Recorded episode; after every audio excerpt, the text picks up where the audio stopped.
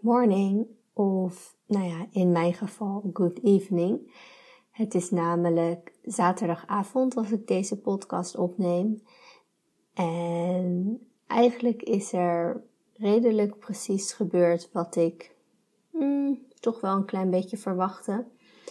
Namelijk vrijdagavond, toen begon het al. Ik was wat moe en ik dacht, nou, ik ga wel lekker tv kijken of een beetje chill. En ja, gewoon uh, zo'n gevoel van aan de ene kant wel voldaan, van dat je een fijne dag hebt gehad, maar aan de andere kant dat je toch nog maar door wilt en dat alles sneller moet gaan, dat je sneller je doelen wil bereiken of, of dingen gedaan wil krijgen. En nou ja, dat resulteerde er bij mij in dat ik vanochtend vrij laat opstond, niet echt heel gezond at en ja, een beetje doorkabbelde de dag door. Op zich was het ook niet stront vervelend wat ik allemaal heb gedaan hoor vanochtend. Maar ja, ergens was het toch ook wel een soort van vluchtgedrag. En dat hield aan tot een uur of twee, half drie.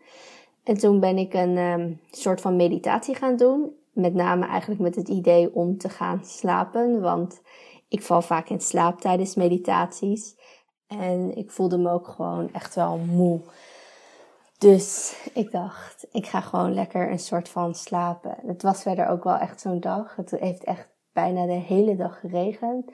Dus uh, als ik met de honden eruit ging of David ging er mee uit. Meestal als het regent gaat het toch vaak om de beurt.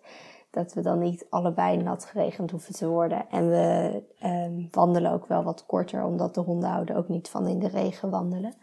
Dus ja, het was wel een beetje zo'n soort dag. Maar ja, ik ging dus uh, slapen. Ik heb toen geslapen van half drie tot half zes uiteindelijk.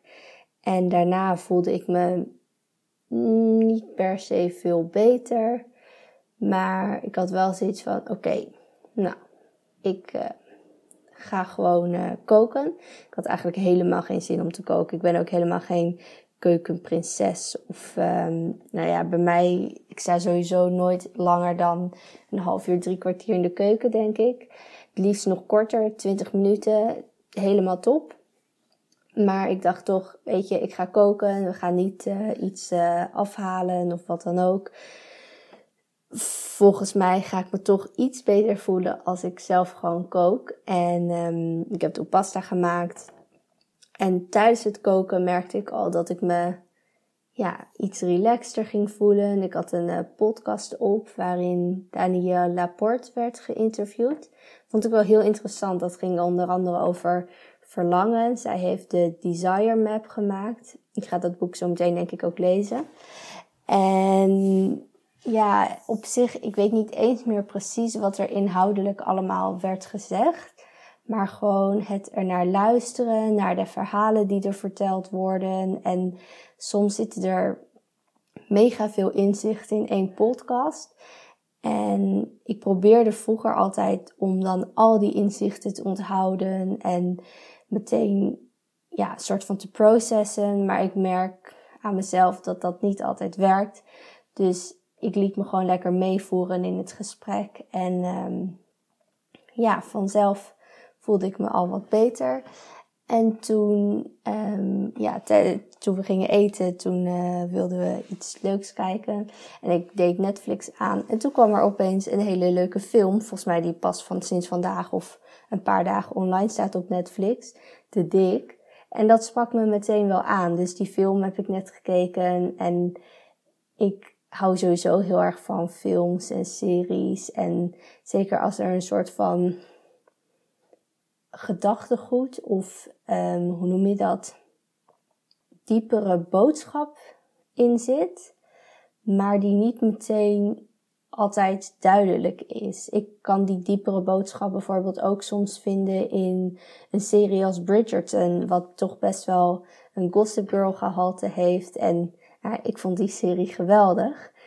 Um, en ik weet niet, ik kijk daar dan soms op de een of andere manier doorheen. En dan zit er altijd wel weer een, ja, ergens een diepere boodschap soms achter. En soms is dat misschien helemaal niet de intentie van, van die film of serie. Maar dan kan ik het gewoon heel goed soort van projecteren op het leven nu, in de maatschappij, in dingen waar mensen universeel tegenaan lopen.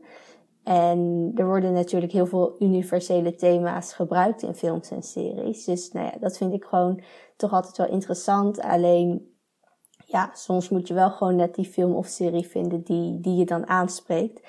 En in dit geval was dat dus De Dik. Uh, als in DIG, dus um, het um, opgaven.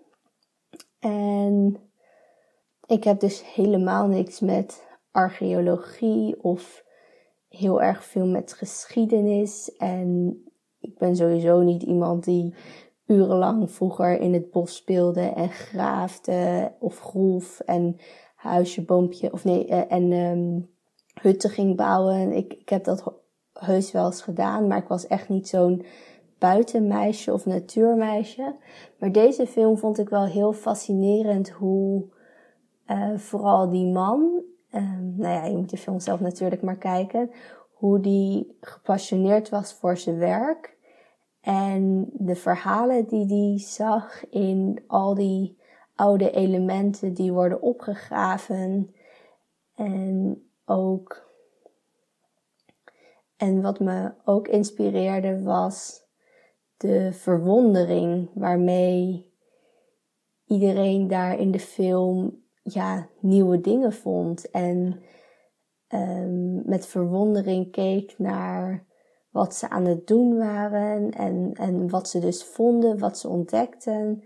Dat ja, gaf wel in ieder geval voor mij echt zo'n gevoel van: oh wauw, het is zo mooi als je op die manier naar het leven kan kijken, naar de soms alledaagse dingen en soms totaal niet alledaagse dingen, maar dat dat dan ook weer samenkomt. Want de alledaagse dingen was dat die man wekenlang, ik denk wel maandenlang aan het graven was, elke dag weer.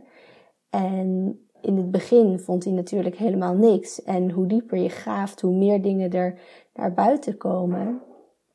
En dat was voor mij ook meteen wel, weer een herinnering van elke fase in het leven, elke fase in de cyclus is oké. Ik zit nu weer even in een, ik zou het niet per se down fase willen noemen, maar meer in een reflecterende fase, een wat meer winterfase, een beetje cozy met een theetje. Ik heb nu geen thee, maar ik ga zo lekker thee zetten.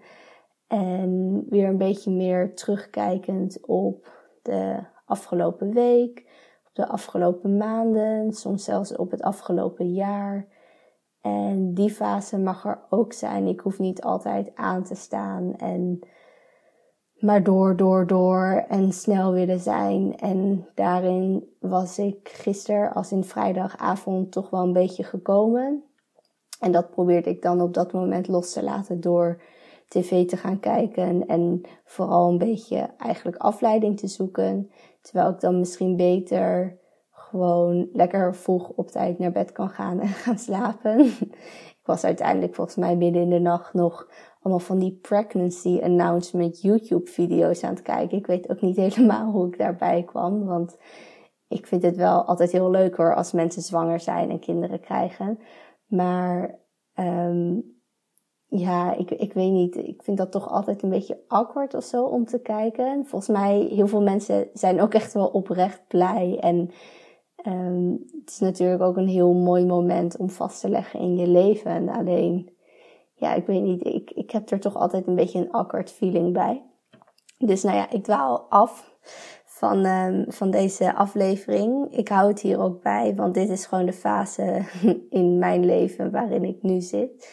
En dat is juist uh, de intentie ook van deze podcast om, om dat met je te delen, om daar open over te zijn en ook te kijken hoe, hoe dat dan soms kan gaan veranderen. En soms ook niet dat ik honderd keer in dezelfde valkuil trap, om het zo maar te zeggen.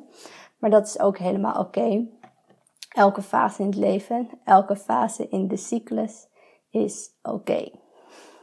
Nou, hele fijne avond, ochtend, middag of dag, wanneer je dit luistert. En een hele mooie zondag gewenst natuurlijk. En ik spreek je snel weer in een, volgende podcast. Doei doei!